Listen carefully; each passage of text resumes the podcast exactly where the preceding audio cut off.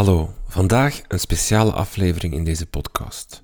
Want het is namelijk een aflevering van een andere podcast. Met Buiten de Krijtlijnen maken wij ook de podcast Bank Vooruit. Daarin gaat Jeroen Heremans praten met bekende Vlamingen over hun onderwijsjaren. Welke leerkracht heeft hen geïnspireerd? Welke lessen hebben ze geleerd die ze nog steeds toepassen in hun carrière? Laat je verrassen door de strafste en meest bijzondere schoolverhaal die ze te vertellen hebben. De podcast Bank Vooruit is een ode aan het onderwijs en wil mensen aanmoedigen om zelf de stap te zetten om als leerkracht aan de slag te gaan. Je gaat luisteren naar de aflevering waarin voetbalcommentator en presentator Astrid Zeemane te gast is. Wil je alle andere afleveringen luisteren? Abonneer je dan op de Bank Vooruit podcast in je podcast-app. Veel luisterplezier.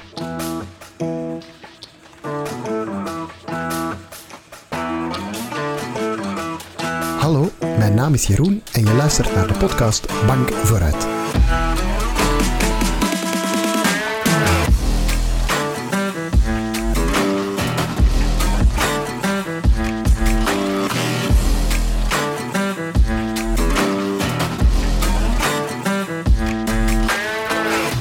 En welkom bij Bank Vooruit, een podcast waarin we terugblikken op de schoolcarrière van een bekende Vlaming. Bij mij zit FOMO-patiënt, voetballiefhebber en kattenvriend Aster Enzemane. Hallo, Aster. Hey, dag Jeroen. Kei leuk dat je eh, voor mijn microfoon wilt komen zitten. Ja, Ehm, met veel plezier. ik, eh, ja, we gaan het vandaag hebben over school. Eh, was jij iemand die s'morgens met plezier opstond om naar school te gaan? Nee, maar dat had niks Nee. te maken met school. Dat heeft te maken met mijn, met mijn ritme. Ah, ja. Ehm, ik heb onlangs een, een, een artikel gelezen dat Lieven Scherren had gedeeld op, op Instagram over hoe dat de, de maatschappij tegenwoordig eigenlijk gericht is op ochtendmensen. Ja. En, en hij zei iets van bevrijd de avondmens, omdat hij ook een, een, een avond- of nachtmens is.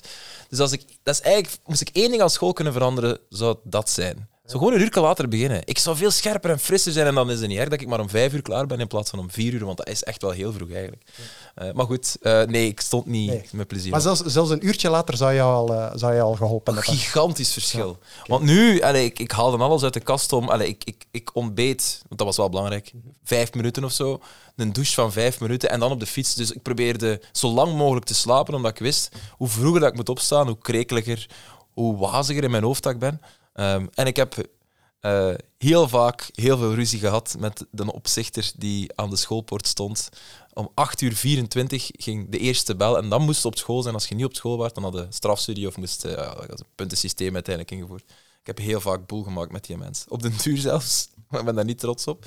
Toen ik in het zesde middelbaar zat, ehm, ben ik, eh, had, ik, had ik door dat de opzichter na het eerste belsignaal nog eh, een halve minuut of een minuut de mensen opschreef. Maar als die, als die een groep van te laat gekomen leerlingen binnen waren, dan ging die weg. Dus als je wachtte tot als ze weg was en je sneakte daarna naar je rij, dan had niemand door dat je te laat was. Of dat zeiden van, hoe je zit te laat? Als ze, ja, maar die mens heeft mij opgeschreven. En dan, dan glipte door de mazen van het net. Dus dat was ik op de duur zo'n expert.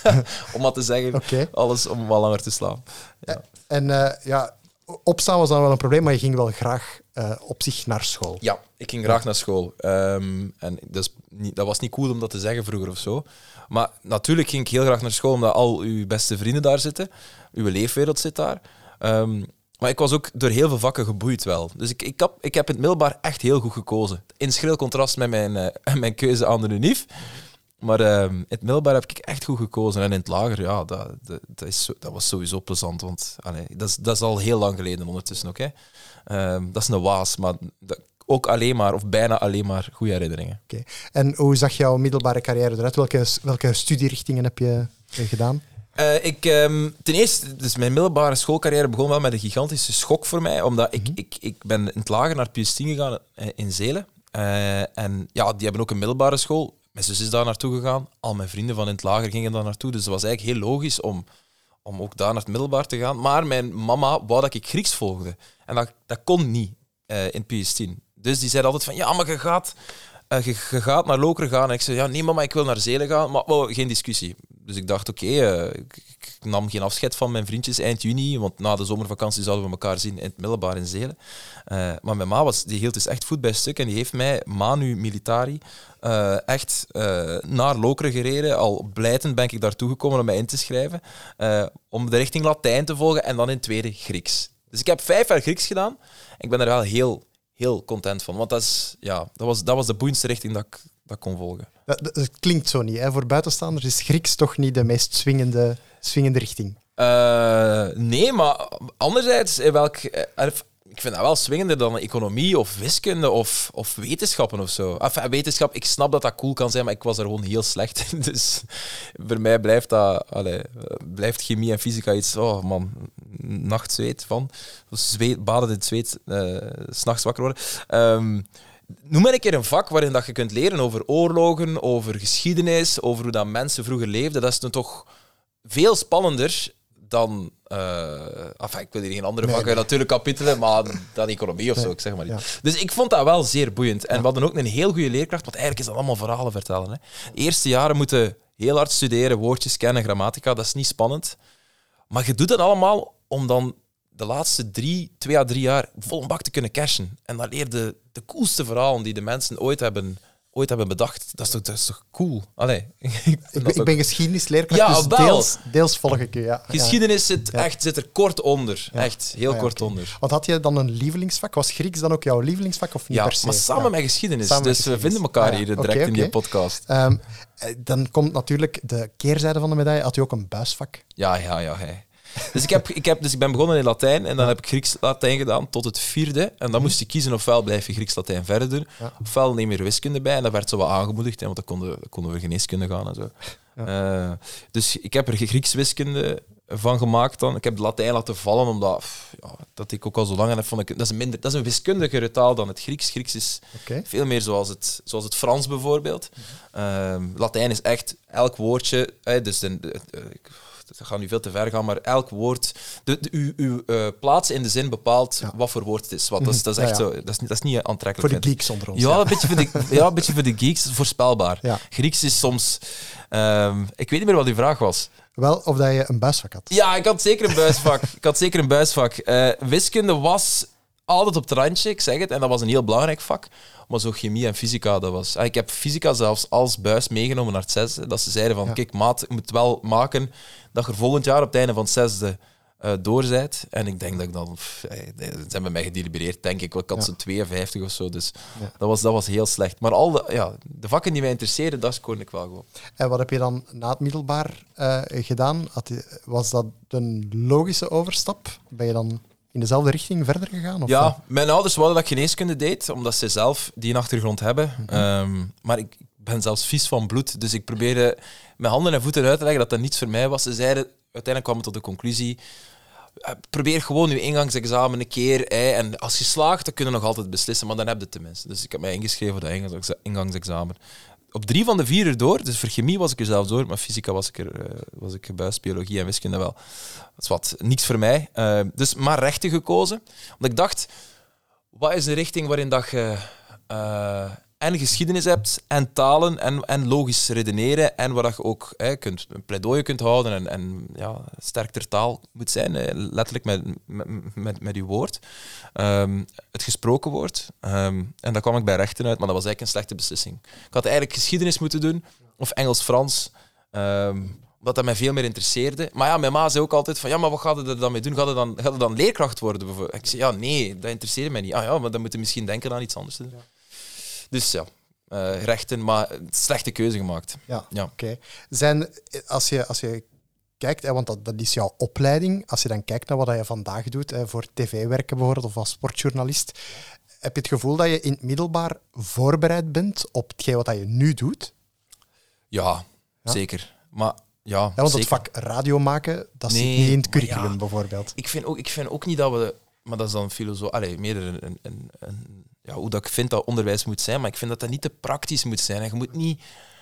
Ik zou wel een vak eh, boekhouden, dat zou ik wel heel gemakkelijk... Dat zou ik top vinden. Hè. Dus er mogen heel praktische dingen in zitten, maar ook... Het is ook... Ik vind dat ze eigenlijk op het einde van het middelbaar eh, een soort van... eh, een mens die klaar is voor het volwassen leven. Moet, enfin, een, een breed gevormde mens moeten afleveren. En je mag al kiezen, maar ik hoef niet op voor elk beroep voorbereid te zijn of zo. Of, of ik wil niet te eng denken. Je moet, ik, ik vind het brede vorming. ASO, algemeen secundair onderwijs, vind ik breed. Dat je nog overal wel heel hard je best moet doen en zult moeten inlezen en veel zult moeten bijstuderen, maar dat je overal wel wat klaar voor bent. Of zo. Dat vind ik... Ik wil niet vanaf mijn... Zoals in Afrika bijvoorbeeld, in Burundi. Mijn papa die, die is van zijn veertiende heeft hij geneeskunde gevolgd. Dus die wist eigenlijk op zijn veertiende al, ik word een dokter.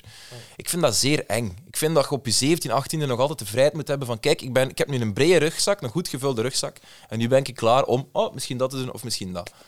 Uh, dus ja, ik, ik had het gevoel dat ik helemaal klaar was. Ook al leert niemand mij dit vak, maar dat kun je ook niet leren. Je moet ook geen kinderen van 16 radio leren maken. Dat, dat zou raar zijn. Nee. Uh, en is het, um, is het dan zo dat je um, nu het gevoel hebt dat je op school dan eerder zo, ja, zeg maar, levensvaardigheden geleerd hebt, ook buiten al die, die vakjes? Of heb, heb je nog andere dingen geleerd op school, buiten alles wat dat in de schoolboeken stond? Mm. Uh, ja, ja, omdat we wel zo goede menselijke leerkrachten hadden. Ik denk dat daar de, de kracht van de leerkrachten dan uh, naar boven moet komen of zo.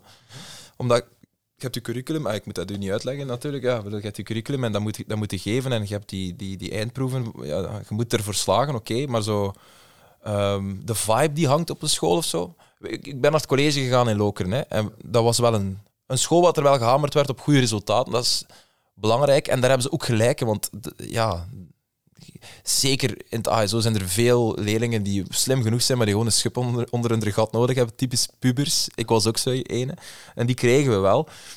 Maar ik herinner me wel heel veel leuke nevenactiviteiten. We hadden een heel goede 100 dagen, een heel goede eindejaarsshow. Echt. We hebben een toneelstuk in elkaar gestoken. Een heel spetterende show. Dat was kei leuk om aan mee te werken. We hadden een Damiaan-actie waarin heel het school zich inspande. En dan daar leer je misschien nog het meeste van, omdat je dan leert omgaan met andere mensen. En ook omdat je daar bijvoorbeeld in dat, in dat stom toneelstuk, hè, wat, ja, over wat gaat dat, komt een paar honderd man kijken uiteindelijk. Maar, maar daarin leerde wel zo'n soort van, ja, je leert in teamverband werken en, en je, ontdekt daar ook. Ik vond het dan bijvoorbeeld kei leuk om op het podium iets te vertellen. En dus dat heeft mij daar dan wel ook nog eens gesterkt in mijn overtuiging van, oké, ik steek dat in mijn achterhoofd, maar over een paar jaar wil ik daar misschien wel iets mee doen. En, ja, en hier zitten we. Dus. Ja ik vond dat wel ik vind, echt een goede school. Okay. Uh, ja. Zijn er leerkrachten die er, eh, die er voor u zo wat uitspringen als je terugdenkt aan uh, al die mensen die de, die de revue gepasseerd zijn? Zijn er die er zo uitspringen? Zeker. Ze zijn allebei met pensioen, denk ik. Of toch één mevrouw weet ik zeker, mevrouw van Kleemput, was mijn allereerste klastitularis in het eerste middelbaar. Die gaf ons Latijn. Die was ook van Zelen. Ik ging naar Loken naar school, maar dat was zo'n kleine minderheid, de, de ja, minderheidsgroepering van Zeelneers, de buitenlanders. Uh, en zij was ook van Zelen, ze woonde vlak bij, bij ons trouwens. Um, en het grappige is, de eerste dag, het eerste dat ze aan mij vroeg, Astrid, je bent toch een jongen, hè? Ik zeg, ja, ja, ja, ja. Maar ik stond ingeschreven als meisje. Ze hadden mij per ongeluk ingeschreven als, als meisje. En dat is ook de reden waarom ik uiteindelijk in die klas ben beland. Dat ze de Zeelse jongens en meisjes zo wat samensteken, om, om die wat ja, omdat hij anders kende niemand. Um, en, uh, en, en dat was mijn eerste contact met mevrouw van Klimpet, die zeer, um, ja, die, die zeer zorgzaam was. Echt een echte mama eigenlijk. Die was ook even oud als mijn mama, dat weet ik nog. Of één jaar ouder of zo. En die, ja, um, die, die ga ik nooit vergeten. En mijn laatste leerkracht, oude talen, Grieks, meneer Debout, dat was een, een meesterverteller. Uh, die kon heel kwaad worden als, als niet iedereen aandachtig was, maar dat was ook maar zelden, want eigenlijk iedereen luisterde constant. Hoe dat die vertelde over, dat ging dan over, over Oedipus en zijn uitspattingen. Ja, de, de Ilias en hey, alle, alle werken van Homeros, Ilias en, en Odyssee. Um, dus ja, dat zijn natuurlijk ook zeer boeiende werken om te brengen. Maar die...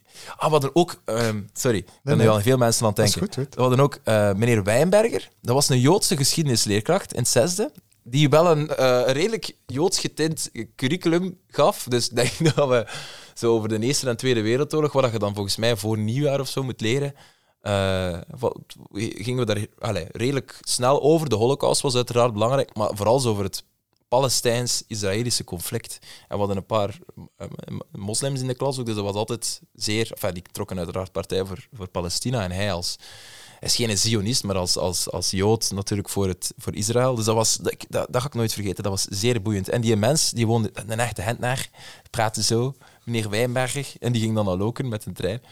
Topleerkracht ook. Top, top, top. Gepassioneerd door zijn vak. Ja. Okay. Wat zijn volgens jou de, de belangrijkste waarden van een leerkracht? Wat, wat moet een goede leerkracht hebben? Um, uh, maar dat is heel persoonlijk voor mij. hè, Maar ik kan niet goed om met ehm, mensen die een autoriteit moeten claimen of zo. Je hebt autoriteit als leerkracht door voor die klas te staan. Dus weet dat je die autoriteit sowieso hebt. En soms moet je uiteraard streng zijn. Maar je moet dat niet extra in de verf proberen zetten door te tonen van kijk ik ben hier de man of ik ben hier de baas. Of... Dus een, een goede leerkracht is voor mij iemand die zeer menselijk is. En die ook zijn leerlingen als... eh, ja, niet meer als kinderen behandelt. Spreek ik over het latere middelbaar, hè, zo 16, 17, 18 jaar. Eh, omdat over een jaar gaan we naar de UNIF. Wat zitten ons nog als kinderen te behandelen? Over een jaar moeten wij hier ongelooflijke studies aangaan en zijn wij allez, vogelvrij, of vrij als een vogel liever. Niet vogelvrij, maar zo vrij als een vogel in een grote stad. Eh, dus daar stoorde ik me aan, maar dat kon ik, daar had ik dan ook extra respect voor. Voor de leerkrachten die iets hadden van, we zijn allemaal volwassenen hier, of bijna volwassenen. Ehm, en daarvoor zou ik dan door een vuur gaan. Ik heb dat bij voetbaltrainers ook. Die gewoon als, als, als, als, als een normale mens behandelen en niet als van ik ben de baas en Gunder moet luisteren. Ehm, dus zo een soort van menselijke verantwoordelijkheid geven vond ik heel belangrijk. Maar ik weet ook dat er medeleerlingen waren die daar dan slecht mee omgingen. Dus die moeten dan... Maar oké, je moet iedereen een kans geven. En als iemand dan die kans misbruikt, dan heb je alle recht om te zeggen, ja, maar tot hier en niet verder. Ja. Oké. En ehm, wat eh, heb, je, heb je zelf al gedacht om, eh, om voor de klas te staan? Nee, nee, Nee. Ik heb dat er juist ook gezegd. Dat zou echt niks voor mij zijn. Nee, dat, dat, ik denk dat je voelt, want ik heb veel vrienden die leerkracht zijn. Een heel goede vriend van mij is ook leerkracht in de lagere school. En dat vind ik eigenlijk ook echte helden. Ehm, omdat dat, dat is eigenlijk meer opvoeden dan... Allee, die vertellen mij verhalen, dat is meer opvoeden. Je bent een tweede papa of mama. Hè, ja. Eh, dus mijn, mijn respect voor, voor hen is ook zeker zeer groot, want daar, daar hebben we het misschien nu vandaag wat minder over. Ehm, maar dat voor mij zou dat niks zijn. Ik denk dat dat een roeping is. Ik, ik, ehm, ik was ook echt heel blij dat school gedaan was. En ik moet heel eerlijk toegeven, dat is... Maar dat komt, dan komen we weer terug op dat, dat geformateerde en het vroege opstaan. Daar zie ik echt tegenop. Als ik, allee, ik was zo blij toen ik 18 was en kon uitslapen en een les kon missen naar andere unief. Omdat ik dan wist, ik ga dat dan wel s'avonds inhalen op mijn ritme. Ik zie er echt tegenop als Lies en ik, mijn vriendin, en ik kinderen krijgen, dat je dan weer in, in dat ritme moet. Of ja, en dan zo de verplichte huiswerk mee moeten maken. Zo de, de deadlines, oh, morgen grote overhoring, die stress daarvoor. Oh, dat, dat, daar zie ik echt tegenop. Ja. Dus de- het leerkrachtenleven is echt niks voor mij. Wa- Was jij iemand die met taken ook altijd tegen de deadline werkte dan? Ja, constant. Dat is mijn aard. Mijn vriendin is gelukkig helemaal anders, maar ik wil natuurlijk ook niet dat dat helemaal in haar bak valt. Later. Maar eh, als, als mijn zoon of dochter eh, ja, een beetje op mij lijkt, dan, eh, dan gaan we ons peren zien, denk ik. Met, ja, Wat voor iemand was, jij dan bij groepswerken? Was jij zo iemand die... eh, eh, ik heb dat vaak voor in mijn klasse bijvoorbeeld. Er is er altijd ene die alles doet. Er is er ene die niks doet. Er is er ene die alles delegeert. Eh, wat, wat voor type was jij? De een waar delegeerder? Ja. ja, ja. ja. Oké, zo alles... Maar ja, ik heb wel een periode ben ik er wel stout in geweest. Omdat je altijd door hebt, er is iemand, een controlefreak, zoals bijvoorbeeld mijn vriendin Lise, die, die, die zou alles zelf doen. Omdat hij zoiets heeft, ja, wat ik zelf doe, doe ik beter. Ja, dat is niet waar ten eerste.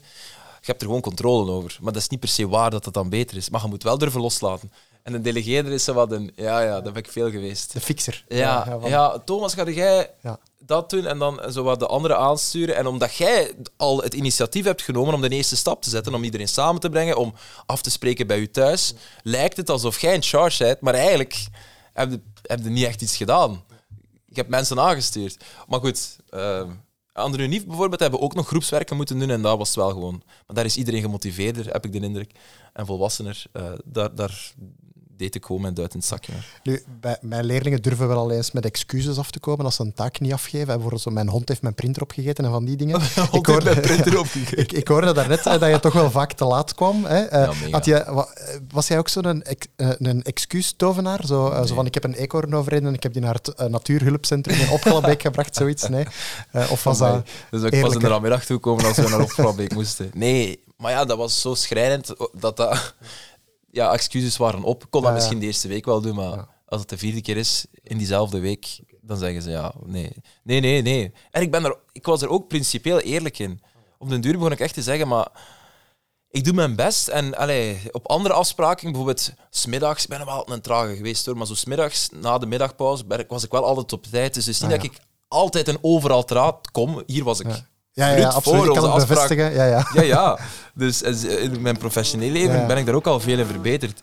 Maar het is gewoon 's ochtends, dus ik zei van sorry, maar dat is echt te vroeg voor mij. Maar ja, uiteraard wilden ze zich niet schikken naar die nee. 17-jarige puber die al Nee, niks gedaan gekregen. Nee, nee, nee. Nee.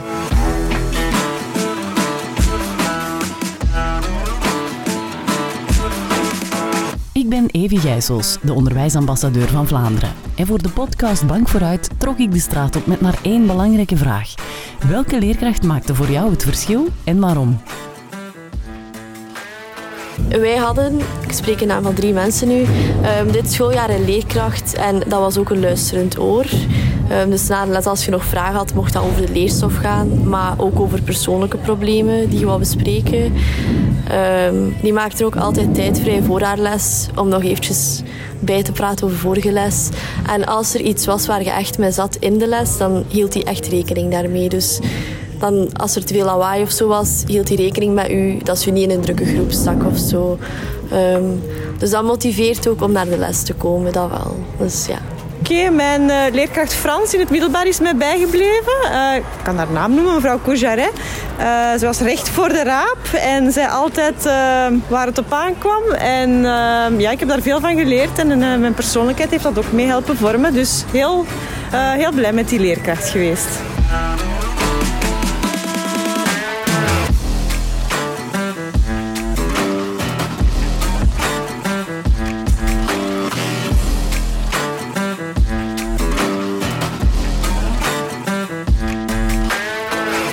Heb ook leerlingen van het kaliber in mijn klas die soms eens durven zeggen: Meneer, waarom zouden we dat nu in godsnaam moeten kennen? Nu, de stelling van Pythagoras is misschien een slecht voorbeeld, maar is er toch zoiets dat je denkt van: Ah ja, dat heb ik dan geleerd. En toen dacht ik van: Wat is deze? Terwijl nu eigenlijk, moet ik toegeven, heb ik daar wel iets aan. Dat is een heel harde denkvraag Ja, trouwens. Ja. ik had dat... Ik, ik, ehm, dat klinkt zo mega verwaand, dus ik, ik wil dat ook niet... Nee, ik ga, ik ga misschien iets anders zeggen. Ehm, maar ik zal, dat op niets anders kan komen. Ik had het in, in het vijfde en zesde middelbaar hebben wij, hebben wij, eh, hebben Socrates gelezen, hebben wij Plato gelezen. Op een, kinder, allez, op een zeer basic niveau uiteraard, vooral om ons Grieks beter onder de, onder de knie te krijgen. Ehm, maar daar worden soms van die filosofische concepten. Je hebt de grot van, van Plato. Je hebt Socrates die zegt van ik weet niks en daarom weet ik meer dan de meeste mensen, want daarom, hey, daarom weet ik net alles. Ehm, die, die, die soort van ehm, nederigheid promoten. Ehm, en ik denk daar nog altijd aan. Dus dat is toch zot? Ja, ja. Allee, telkens als het nu gaat over... Kende de sofisten? Nee, dat dat waren de, dat waren, dus je had Socrates. En Socrates was een arme man. En daar werd, de sofisten waren de grote redenaren, dat waren de advocaten. allee, mensen met ju- juridische invloed bij de Grieken. En dat waren de, ja, de chique mannen, de advocaten in maatpak, hè, die het kijk hoe konden uitleggen. En op alles een uitleg hadden. En de super slimmen van de maatschappij. En dan hadden Socrates. En die zei constant tegen die mannen van... Maar je denkt dat je, dat je veel weet, maar je weet eigenlijk niks. Dus die haatte Socrates. En ik vind dat je soms in de samenleving zeker waar we nu naartoe gaan, bijna iedereen denkt over alles een mening te moeten hebben of een expert te zijn over alles. Tijdens de coronacrisis plotseling was iedereen viroloog en nog altijd zie je mensen in discussie gaan. Dus een expert die daar, de wetenschapper die, die per definitie twijfelt, want dat is de basis van de wetenschap. En dan zie je die in discussie gaan met iemand die twee artikels op internet heeft gelezen. En dan, denkt, dan, dan denk ik echt vaak aan Socrates. Van, allee jong, er zijn echt mensen die denken dat ze veel weten en daardoor toegeven of daardoor blijk geven dat ze eigenlijk niks weten. Dus dat is toch zot dat we dat in het middelbaar geleerd hebben en dat ik dat nog altijd... En ik had nooit gedacht toen ik dat leerde van, amai, dat ik daar zo vaak nog aan zou denken. Dus dat vind ik wel een goed voorbeeld daarvan. Ja, ja. Eh. Klinkt helemaal niet verwaand eigenlijk. nee, nee, nee. nee, Oké, ja, omdat dat zo... Ah, ja, ik heb Grieks gedaan. Nee, Ja, ja. nee, ja, kijk. Ik vond dat... Ja, Ja. dat- ik, dat, ja dat is een Ik denk de... sowieso als je, als je je oud als ik heb Grieks gedaan, dat je sowieso wel al oordelen gekregen hebt. Dus ik denk dat dat wel oké is. Ja. Ja. Eh, nu, eh, onze minister die is eh, volop bezig met modernisering. Hè. We, we- ze willen het allemaal veranderen, want er is weinig goed en het moet allemaal beter. Maar heb jij eh, een idee van... eh, je, zei, je gaf daar straks bijvoorbeeld het, het, het, het vak boekhouden als voorbeeld. ja. Eh, hè, dus, eh, Ja, of maar- belastingsbrief Ja, ja. invullen. Sorry, ja. Toch? Dat zijn van die dingen die... Ja, ja. Sorry dat ik Nee, nee, onderbreken, maar dat zijn van die dingen... Dat wordt verwacht dat je dat kunt. Ja. Ik bedoel, de eerste drie, vier jaar heb ik dat met mijn mama gedaan en nu hebben we een boekhouder dus die- mij uit de nood helpt. Maar dat kan toch niet dat ik als bijna 30-jarige jongeman eigenlijk eh, amper flauw, of maar ja, flauw Ja. van... Ja, ik ben op dat vlak goed getrouwd. Mijn vrouw kan dat, ik ook niet. Ja, Dus, kijk, maar dat is toch niet normaal dat we dat als... Nee. Allee, dat, dat is kei belangrijk. Of uw rechten kennen. Ook heel belangrijk. Dat wordt ook te weinig rond gedaan, vind ik. Mijn mama werkt in de vakbond LBC en VK, of werkte vroeger, want ze is niet met pensioen. En die moest daar, en dat waren bedienden. Hè. Dus je had, hè, de staalarbeiders, ze kunnen, of mensen die echt vooral met hun handen werken en niet, per se mm, academisch geschoold zijn, daar kunnen nog een begrip voor opbrengen. Maar bedienden gewoon, eh, ook leerkrachten bijvoorbeeld, of mensen in de zorg in haar geval, die gewoon echt niet wisten van, ik, word, ik ben hier zwanger en mijn baas zegt, uh, je moet al niet meer komen en ik zoek wel een vervanger voor u. Uh, hier eindigt ons contract. Is dat mijn recht of niet? Ja, natuurlijk. Natuurlijk worden uw rechten geschonden, maar mensen weten dat niet. Is dat niet heel belangrijk dat we dat... Ja. Dat is, nu, dat, is nu, dat is wel een goede trend dan, want dat is, we, en politiek eh, en zo economie eh, en mensenrechten bijvoorbeeld, dat zit bij ons dan wel in de projectweek. Dat zit dan niet Ja. verankerd in een vak of zo, maar bij ons hebben ze Oké, een eh, projectweek, ja, dat vind ik heel goed, want Ja. je moet dat inderdaad niet vijf jaar lang aan Nee, kinderen nee, nee. geven. Ik zeg het breed vormen, maar dat, daar heb je niks van meegekregen. Nee, nee, dat is waar. Als ik eh, terugkijk naar mijn eigen middelbare carrière, dan is dat ook een, eh, een heel groot gemis. Ja.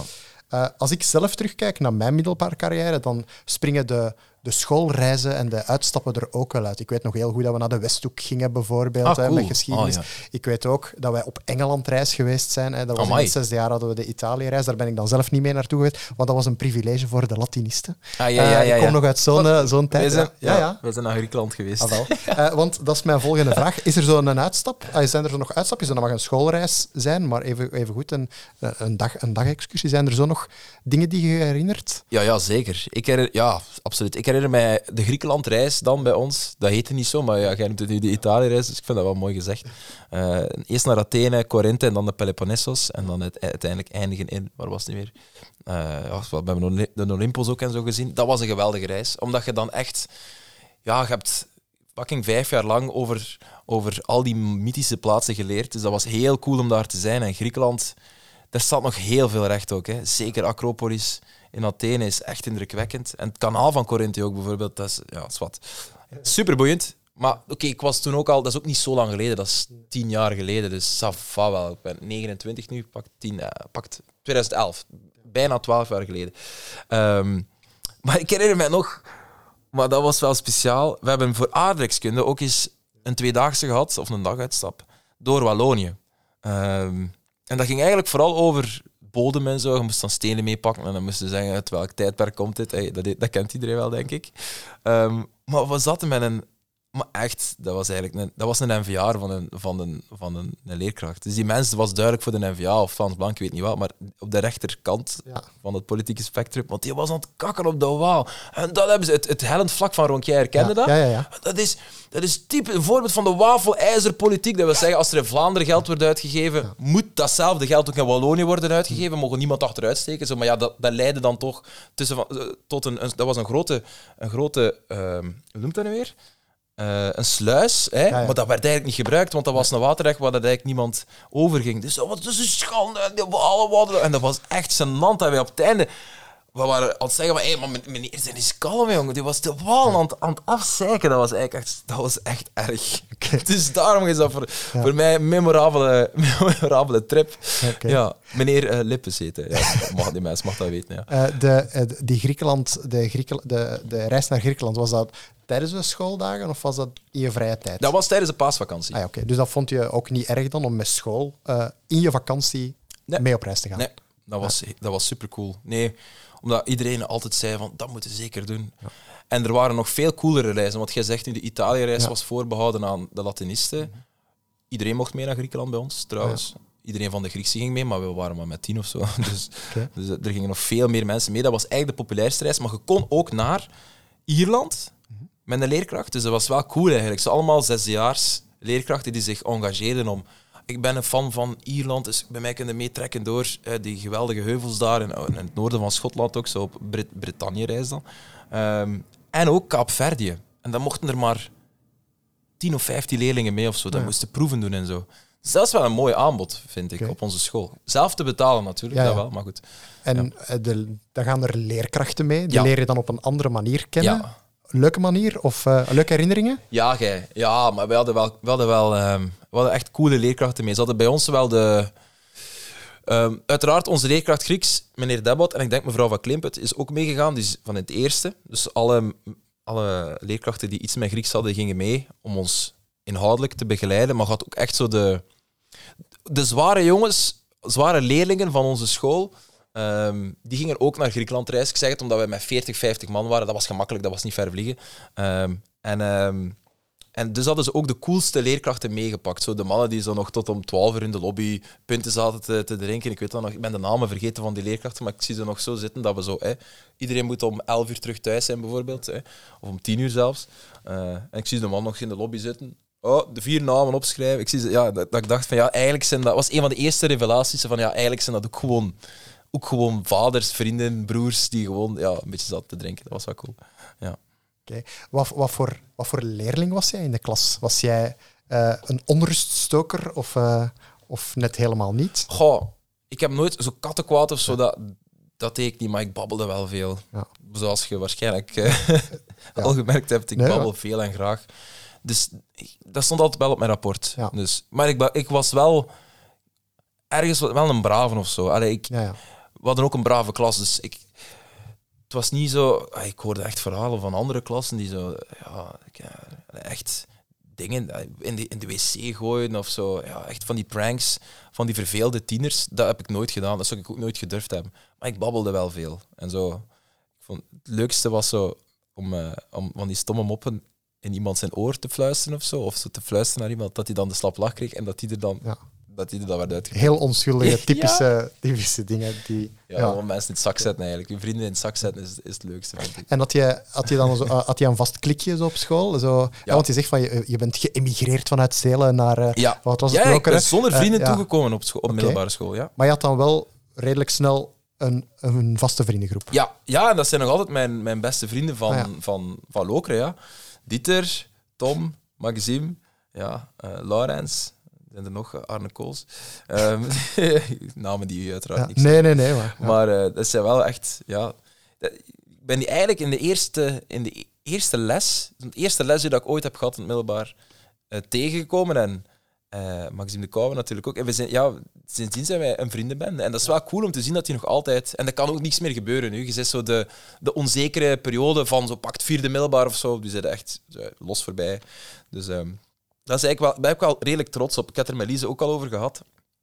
Mensen die zo geen middelbare schoolvrienden hebben, dat kan zijn omdat die gepest zijn geweest of door omstandigheden, maar soms kan dat ook een, een red flag zijn bij iemand. Allee, zonder te oordelen, hè, want dat is voor iedereen anders. Mm -hmm. Maar als, uh, ik vind het altijd cool, toen ik bij Lise ook hoorde dat zij vrienden had die ze al sinds haar dertiende heeft. Zeker als je een job in de media hebt, je, leerde heel snel nieuwe mensen kennen die oh, zot zijn van u en het beste met je voor hebben, zo gezegd, maar gewoon een magonnetje willen aanhangen natuurlijk. Dus het is dan cool om te zien dat je wel nog wat grounded kunt zijn en, en echt met vrienden kunt overweg gaan die, uh, of overweg komt, ja, die geen, geen fuck geven om uw job. Allee, dat interesseert die letterlijk niet in die, in die optiek? In die zin.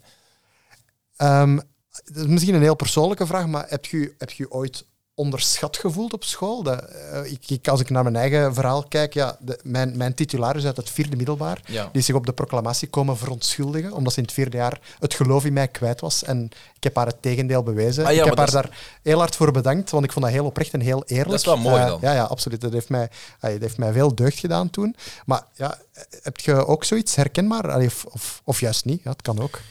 Ja, eigenlijk wel. Maar dat is wel een dubbel verhaal. Uh, we hadden een ene leerkracht in het zesde die, die ervan overtuigd was dat ik, dat ik niks... Omdat ik, ik was te veel bezig met voetbal. Ik moest heel veel voetballen, vijf keer in de week. Waardoor dat mijn punten voor sommige vakken niet goed genoeg waren. En die zei van, nee, zolang dat jij voetbalt, ga je niks, ga je niks bereiken. Maar ik, die, die mens is binnen het jaar daarna overleden. Dus die heeft wel nooit een kans gehad om zijn mening bij te schaven. Dus misschien zou hij dat nu wel doen, denk ik. Dus ik wil die ook niet onder de, onder de bus gooien, natuurlijk. Maar, er was wel een leerkracht, ja, Rolf de Rijk, die, mens heeft een hartaanval gehad. Die was zeer streng en eigenlijk veel te streng, vind ik. En, en op een redelijk bullebakwijze dat hij met, met, uh, met kinderen omging. Uh, of met jongvolwassenen omging. Um, en die zei dat wel altijd van, nee, nee, nee, dat kan niet, over my dead, over my dead body, ja. ja. Ja, ja, kan er niks. Ja, ik vind dat uiteraard zeer erg hè, voor de duidelijkheid.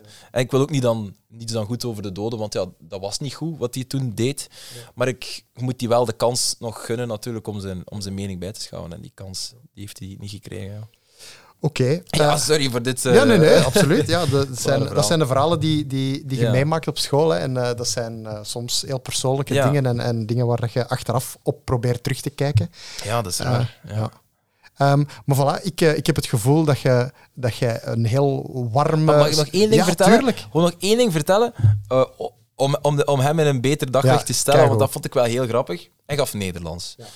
Dus ik vind- Zeer boeiend vak, maar ja, in het zesde was het toch vooral. eh, oh, oh, oh, fuck, hoe, noemt dat, hoe ging dat gedicht nu weer? Van in de 14e of 15e eeuw, wat. Ik, ik, ga het niet meer, ik ga er niet meer op komen. wat. Maakt ook niet uit. Dus ik kom. ehm, het is de allereerste les van Nederlands van dat jaar met Rolf de Rijk. En eh, ja, het is een, over, een, kennismakingsles, wie zeiden. En ja, een beetje arrogant ook, als, als 16, 17 jaar. Ja, het kwam erop neer dat ik zei, ik ga nooit een DT-fout maken. Ik heb dat nog nooit gemaakt in mijn leven, dus ik ga dat ook niet doen. Ik ben er veel te veel mee bezig met taal, ik vind dat heel belangrijk. Eh, en die zei, ja, zo is het. En ergens in april of zo, echt waar, komt hij binnen. Ja! En dan komt vrijdag zijn hand en hij gaat naar voren met een grote, grote glimlach. En iedereen zo, hè, wat, wat komt hij nu binnen? En wie had er gezegd dat hij nooit een DT-fout ging maken? En dacht ze, oh shit. En heel de klas lag echt strijk. En hij kwam zo achter, hij stond op dat moment zo achter mij en hij pakte zo mijn schouders vast en hij schudde mij helemaal erin. Dat vond ik wel echt hilarisch. En dan, dan gaf ik mijn nederlaag wel ontmoedig toe. Had ik wel een uitleg.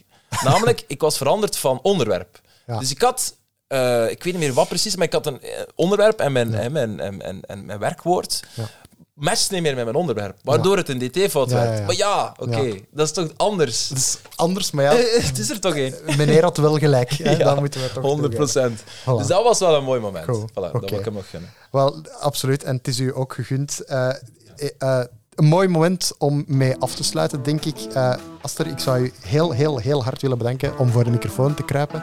Ehm, en om af te ronden wil ik u een pluim van de meester geven en wens ik u een bank vooruit.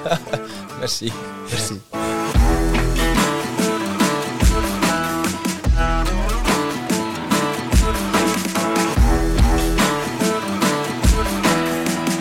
Luisterde naar de podcast Bank Vooruit. Een productie van Buiten de Krijtlijnen met de steun van de Vlaamse overheid.